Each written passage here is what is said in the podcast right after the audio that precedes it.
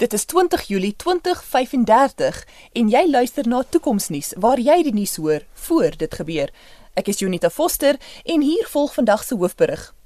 Wetenskaplikes wat reg staan om vir die eerste keer die internasionale termokernkrag eksperimentele reaktor of ITER se toekomak aan te skakel, moet nou deur die weermag vergesel word.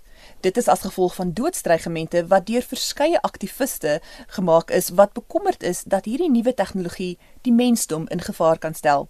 'n Woordvoerder van een van die aktiviste groepe het gesê dat die feit dat ons probeer om die son se kernreaksie op aarde na te maak tot onvoorspelbare en moontlik onomkeerbare gevolge kan lei en dat hierdie eksperiment ten alle koste voorkom moet word.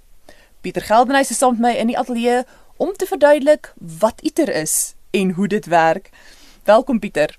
Hallo Junita. Pieter, wat is ITER en hoekom is hierdie aktiviste so verskriklik ongelukkig daaroor? Junita, hier in die jaar 2035 kyk ons na 'n baie lang geskiedenis van ITER wat in 2015 al geïnisieer is en deur 21 verskillende lande deur die wêreld ondersteun is. Die hele idee agter ITER is om 'n alternatiewe bron van energie te verskaf aan ons as mensdom, want Tot nou toe verbrand ons al die energie. Ons is op die Kardashev skaal 'n vlak 0 samelewing want ons verbrand alles om energie te skep.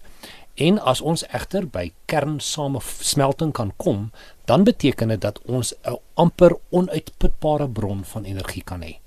En dit is wat ITER is. ITER is 'n eksperimentele reaktor wat soos die aktiefes sê, probeer om die kernreaksies wat op die son plaasvind hier op aarde te laat geskied. Wat is die verskil tussen die kernreaksie wat in ITER gebeur en die reaksie wat in tradisionele kernreaktors gebeur? In tradisionele reaktors maak ons van kernsplyting gebruik. Dis waar ons Iran byvoorbeeld gebruik om dan water te verhit en daaruit kan ons dan elektrisiteit opwek. Kernsamevoeging, in Engels noem ons dit nuclear fusion, vat ons isotope van waterstof, smelt dit saam om helium en energie te kry.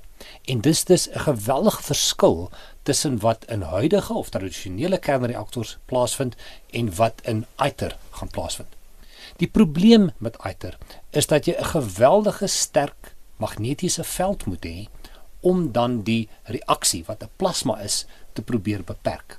Maar die voordeel wat ons het is indien dit werk dat ons 'n ongelooflike hoeveelheid waterstof rond ons om, om ons het. Ons het oseane van die goed. En dit beteken dat as ons wel 'n deurbraak kan regkry met ITER, dan kan ons werklik die hele idee van energieverskaffing heeltemal herskryf vir die mensdom.